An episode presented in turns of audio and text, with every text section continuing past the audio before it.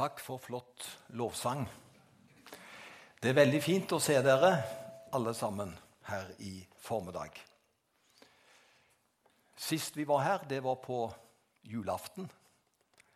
Da var det sprengfullt på galleri og sidesal og overalt. Og det var fantastisk å få feire Jesu gebursdag på julaften sammen med store og små. Og I dag så er det en hverdagsgudstjeneste, om jeg kan si det slik. Selv om det er på en søndag, så er det liksom mellom høytider. Og vi er her fordi vi syns det er fint å komme og samles i Herrens navn, også nå i romjula. Så det er fint å se dere, og så skal vi få oppleve en fin gudstjeneste, vi som er her. Det er vel ikke noe farlig om jeg sier det jeg sier nå, at vi har besøk her i dag. Det ser dere. Eh, og han skal føle seg veldig velkommen, han som tar bilder. Og hun som skriver, det er fra Aftenbladet. Så vet dere det, og de vil markere at uh, dette er jo den siste julen som vi er her. Og vi holder på en måte etter hvert på å rygge ned. Og så er det noe veldig bra som er i vente for oss. Så velkommen også til dere to som ikke går her til vanlig, men som er med oss i formiddag.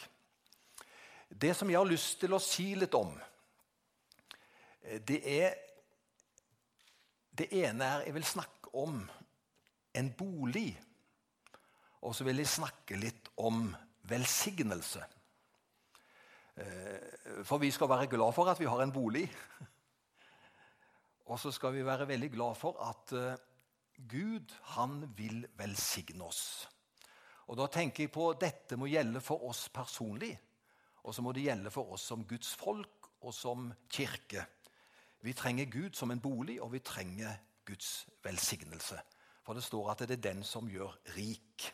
Og Da skal vi få opp en tekst fra 5. Mosebok 33, vers 27.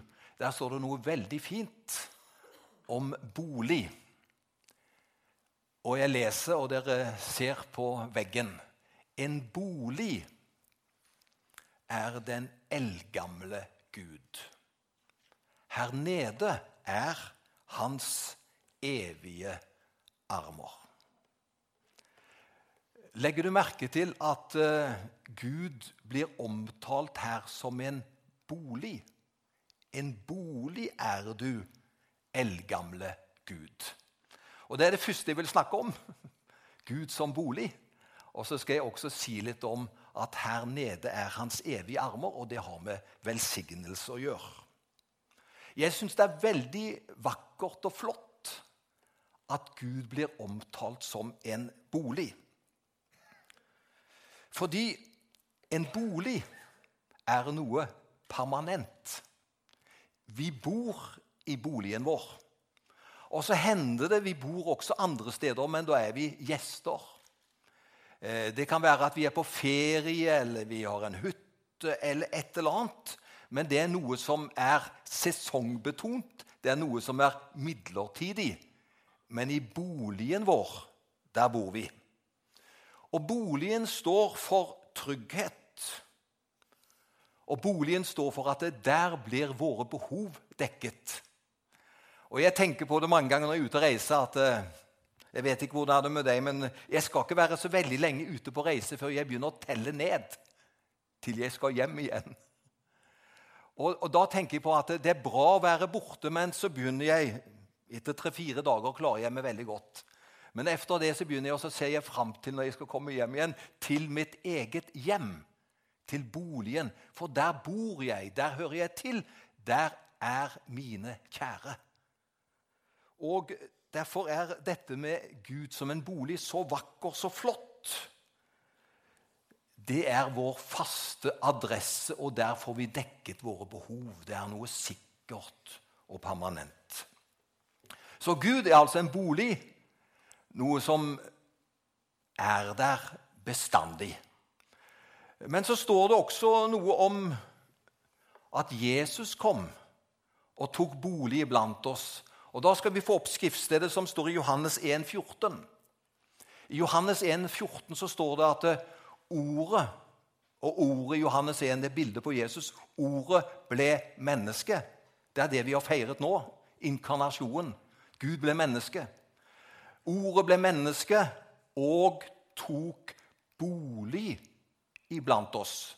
Og vi så hans herlighet, en herlighet som den enbårne sønn har fra sin far, full av nåde og sannhet. Hvis vi får det første bildet opp igjen der, Kurt Der står det at ordet ble menneske og tok bolig iblant oss. På gresk så betyr å ta bolig iblant oss det betyr det samme som å telte. Å slå telt. Altså, Jesus ble menneske, og så teltet han iblant oss, og vi så hans herlighet. Hva står telt for? Jo, det er noe som uh, gjelder for en begrenset tid. Det er noe som er kort. I gamle dager så lå vi jo i telt. Og holdt vi ut i telt i to-tre uker, så var vi jo flinke. Eh, det var kort. I dag så eh, bor vi omtrent ikke mer i telt. Men det er noe som er midlertidig. Eh, det er noe som ikke er så bra som det faste. Og Dette er et veldig fint bilde på Jesus, fordi Jesus han kom. Og han teltet iblant oss. Det vil si han var bare her midlertidig. Han var her i faktisk alltid ca. 33 år.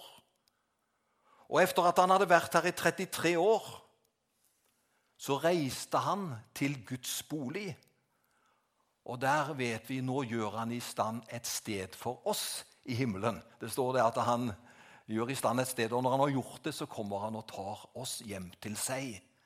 Han var her midlertidig i 33 år. Han var som et telt som beveget seg fra sted til sted. Og etter 33 år så reiste han hjem til sin far, og så forberedte han et sted for oss alle der. Jeg er veldig glad for at mitt gudsforhold ikke er noe midlertidig og kortvarig. Hos Gud bor jeg for evig og alltid. En bolig er du eldgamle Gud. Jeg vet ikke hvordan det er med deg. Men det kan jo være at noen ganger så tenker vi Holder kristentlivet mitt? Er det godt nok? Når jeg fram? Det er mange som faktisk alt har eh, tanker om det som kan gjøre de engstelige og urolige, og de tenker på Lever jeg som en god nok kristen? Osv. osv. Jeg er veldig glad for at mitt kristentliv baserer ikke på min dyktighet. Nå skal du høre, det baserer seg heller ikke på min subjektive tro. Men mitt kristentliv bygger på hva Jesus har gjort for meg. Og da han kom og døde på et kors, så tilveiebrakte han full frelse for alle de som vil komme til ham og ta imot. Derfor er eh, mitt Guds liv det er liksom ikke opp og ned. En dag så er jeg en god kristen, en annen dag så vet jeg ikke om jeg er en kristen. Vet du hva? Hele tiden så er Gud min bolig. Jeg bor hos Han. Det er solid. Han har blitt mitt hjem. Han har blitt mitt liv. Og under alt som møter oss i livet, så er han tryggheten, og det er han som er garantisten for vårt nye liv. Det er han som tok initiativet. Det var han som kom til oss. Og vi kan få hvile i det han har gjort. Er ikke det bra? Tenk om vi skulle prestere noe og, og, og klare å, å, leve så og så, og så skulle det gå veldig bra med oss. Vi bygger på hva Jesus har gjort. Og hva han har sagt i sitt ord, det holder i liv og død. Det er nok det som Jesus gjorde. Det kan vi få tro på, det kan vi få hvile på. Det står et veldig fint skriftsted. Du skal få alle skriftstedene opp på veggen unntatt dette. For dette henter jeg fra hverdagsbibelen. Jeg vil bare lese det. For det står også egentlig hvor Gud bor. Han er jo en bolig, har vi slått fast. Det er noe fasttrygt som varer hele tiden. Men det står i Jesaja 57, 15. For Han som er den høye og opphøyde, troner for evig. Han har navnet hellig. Han sier, Jeg bor i det høye og hellige. Og legg merke til hvor andre steder han bor. Og hos den som kjenner seg knust og nedbøyt i ånden. Jeg vil gi nytt liv til den som kjenner, kjenner seg nedbøyd. Jeg vil gjøre det knuste hjertet levende. Gud har to adresser. Den ene adressen til Gud er i himmelen. Gud bor i himmelen. Den andre adressen til Gud det er at han bor hos de som er knust og nedbøyd i ånden. Så Gud har altså to steder hvor han bor. Han bor i det høye og hellige. Men så bor han i vårt hjerte. Vi som er underveis, og som kan oppleve både gleder og sorger, medgang og motgang. Her leser vi for Han som er den høye og opphøyde, troner for evig. Vi har vel alle opplevd et behov for å henvende oss til Han som er så mye større enn oss sjøl. Når vi virkelig har problemer, så er det veldig godt å gå til kolleger og medmennesker. Men vi kjenner når det virkelig butter imot, så må vi gå til noen som virkelig kan hjelpe oss, og som forstår oss, og som har all makt. Og det er Han som bor i det høye og hellige. Vi går til én som er så mye større enn oss sjøl. Vi trenger nemlig noe i livet som er større, større enn oss. Men dette verset understreker også Guds fars hjerte. For her, her, står det at han også bor her nede hos oss. Det er ikke en teoretisk sak at han bor her nede hos oss. Tenk om det bare var en teori. Men det er noe vi erfarer. Han har særlig omsorg for oss når vi har det tungt og vanskelig. Vi har alle fått med oss det veldig triste som skjedde jeg vil si for hele landet vårt, skjedde det første juledag. Og da vet du hva jeg tenker på. Vi er blitt delaktig i kongehusets sorg, i en kjær familie sin sorg. Barn og andre. Og det har gjort et sterkt inntrykk på oss. Det kunne vel ikke gi et sterkere inntrykk. Det kom så tett inn på julaften, hvor det er familien samles, hvor det er glede, hvor det er fest. Og så neste dag så ble det tung sorg og en trist situasjon som gav et inntrykk på oss alle. Det minner oss om at livet kan være fryktelig tungt for noen og enhver av oss. Da er det fint å tenke på at Gud ser særlig på og er særlig nær den som er nedbøyd og sorgfull. Vi leste her den som er knust og nedbøyd i ånden. Og Da merker vi at eh, vi står sammen med de som har sorg. Vi står sammen i fortvilelsen. Og Det vi kan gjøre, det er å sende gode tanker. Og så kan vi be til Han som bor høyt der oppe. Men den andre adressen hans er han bor også hos de som er sønderknust, som opplever livet noen ganger uutholdelig. Gud som bor høyt der oppe. Her står det her nede er hans evige armer. Og disse armene de når oss alle. De rekker fram til hver eneste en av oss. Og Guds armer er det samme som Guds velsignelse. Guds velsignede hender. Og de er der for å velsigne oss. De tar, og de når inn og fører oss inn til Guds favn. Guds armer vil stryke oss på kinnet når vi trenger det. De er full av godhet og ømhet. ømhet. Og Nå vil jeg at du skal få kanskje repetere din bibelhistorie. Og jeg skal minne deg om noe viktig i forbindelse med velsignelse som står i Bibelen. Har du tenkt over det, du, at det første Gud gjorde etter at han skapte menneskene, var å velsigne dem? Det var det første han gjorde. Han skapte menneskene. Det var å velsigne dem. Skal vi få opp det skriftstedet? Første Mosebok. En, første kapittel, altså, vers 27 og 28 der står det Og Gud skapte mennesket i sitt bilde. I Guds bilde skapte han det. Til mann og kvinne skapte han dem. Vel, Gud velsignet dem og sa til dem.: Vær fruktbare og bli mange, fyll jorden og legg den under dere. Dere skal råde over fisken i havet, over fuglen under himmelen, over alle dyr som de kryr av på jorden. Legg merke til denne første setningen i vers 28. Gud velsignet dem. Det var det første han gjorde etter at han hadde skapt menneskene.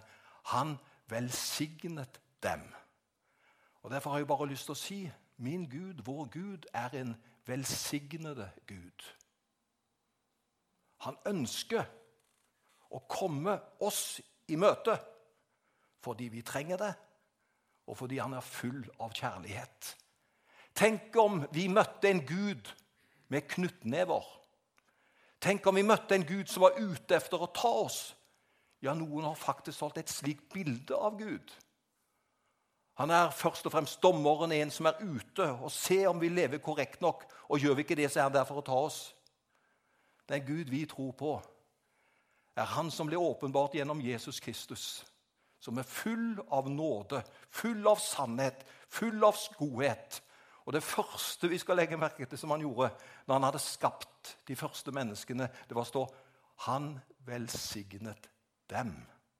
Og Det kan vi ta til oss, for det var ikke noe han gjorde bare for de første menneskene. Det er noe Gud gjør stadig. Han ønsker at sin velsignelse skal følge oss i alle livets situasjoner. Så det første Gud gjorde, var å velsigne dem. Og nå skal du høre.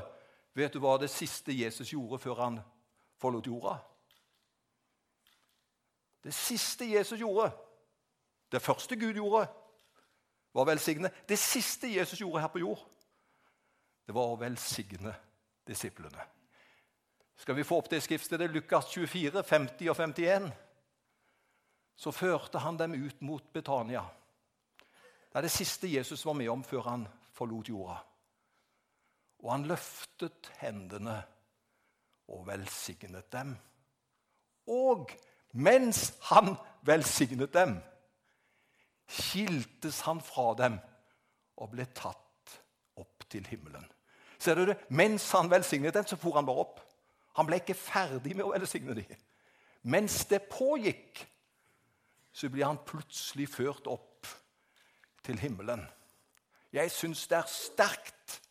Det er noe å ta med oss i den siste gudstjenesten i 2019. Og en av de siste gudstjenestene vi skal ha her i Misjonskirka, det er det første Gud gjorde, det var å velsigne menneskene.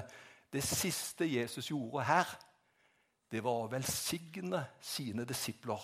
Og han ble ikke ferdig med det engang før han forlot dem. Og vi kan få være under Guds velsignede hender. Velsigne og signatur kommer egentlig fra det samme ordet. Guds velsignelse er det samme som Guds signatur. Og denne hans signatur, velsignelse, trenger vi som barn, ungdom og voksne. Ja, den trenger vi i hele verden. Og, og du vet det at eh, en signatur er veldig viktig. Det kan være et hvilket som helst fantastisk verdipapir men hvis det mangler den rette signaturen, så har den ikke verdi. Signaturen er helt avgjørende for verdipapiret. Velsignelse er det samme som signatur. Og Gud har skrevet sin signatur over våre liv. Det gjorde han da han døde for oss. Og derfor er hans signatur,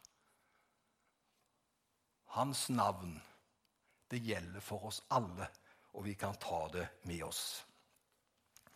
Nå skal jeg snart avslutte, og jeg vil knytte min avslutning nå til dette stedet her. Eh, for vi vet at eh, det er ikke så lenge kanskje før vi må forlate dette stedet her. Dette gudshuset. Vi i Misjonskirken tror egentlig ikke på hellige hus.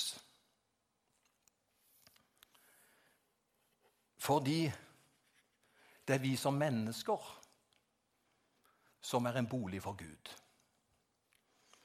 Gud bor ikke i bygg, men Gud bor i våre hjerter. Dersom Gud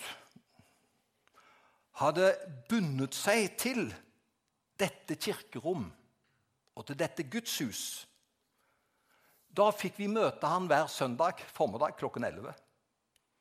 Og det gjør vi. Vi er her, og vi møter Gud. Er ikke det flott at vi kan komme til gudstjeneste og møte Gud i Herrens hus? Det er veldig flott. Men dersom han bodde her, og vi fikk kun møte ham her søndag formiddag, hva med alle de andre dagene og de andre timene i løpet av ei uke? Vi møter Gud her, selvfølgelig, men vi møter ham hver dag Hvorfor det? da? Fordi han bor i våre hjerter. Du kan faktisk ta gudstjeneste med Gud hver dag. Det står at der hvor to eller tre er samlet i mitt navn, der er jeg midt iblant. Og når vi roper, så hører han. Når vi ber en bønn Jeg har sagt det til mennesker at Gud er ikke lenger unna enn en bønn. Du kan be. Så har du kontakt, så er han der. Eh, det er ikke helt rett teologi, det heller. For Gud er nærmere enn en bønn. Gud bor i våre hjerter. Han er der hele tiden. I den nye pakt så er Gud alle stedsnærværende. Vi trenger ikke reise til steder. Jeg har et lavt reisebudsjett. For jeg trenger ikke reise steder for å møte Gud. Jeg møter Gud hver eneste dag når jeg ber til han, når jeg leser i Bibelen, når jeg er sammen. Jeg møter han også når jeg er ute i naturen. Gud er alle stedsnærværende, og det er veldig godt å vite. Når det er sagt, så er vi glade og takknemlige i dette gudshuset her. Dette gudshuset her sto ferdig bygd i 1962. I 57 år har mange mennesker opplevd dette stedet som sitt åndelige hjem og kan se tilbake på mange rike opplevelser og minner. Vi er glad i denne kirka. Og jeg merker når jeg kommer hit, så blir jeg ble glad. For jeg kommer til Guds hus. Jeg kommer til et sted som vi forbinder med mange gode ting. Planen er at vi snart skal demontere dette er Guds hus. Og etterpå så blir det revet. Det er jo på en måte vemodig også. For Guds hus har betydd så mye for så mange. Men vi ser framover. Et nytt gudshus skal etter hvert flytte inn i samme adresse, Knut Holms gate 8. Og Da skal vi få et nytt gudshus i det store komplekset som ble reist. Og jeg tror at vi som menighet har masse godt i vente. Hvorfor det, da? For en bolig er du, eldgamle Gud, og her nede er dine evige armer. Og disse armene som er her nede, det er armer til frelse. Og vi ber om at mange skal få oppleve et nytt liv ved å komme både her og i det nye stedet. Det er altså armer til frelse. Det er armer til fornyelse. Og det er armer til vekst. Vi tror også på en tid hvor vi som menighet skal vokse. Med det så ønsker jeg også å avslutte med noe som engelen sa, og som vi kan gjøre oss delaktig i. Ære være Gud i det høyeste og fred på jorden hos mennesker som gjør Guds vilje. Amen.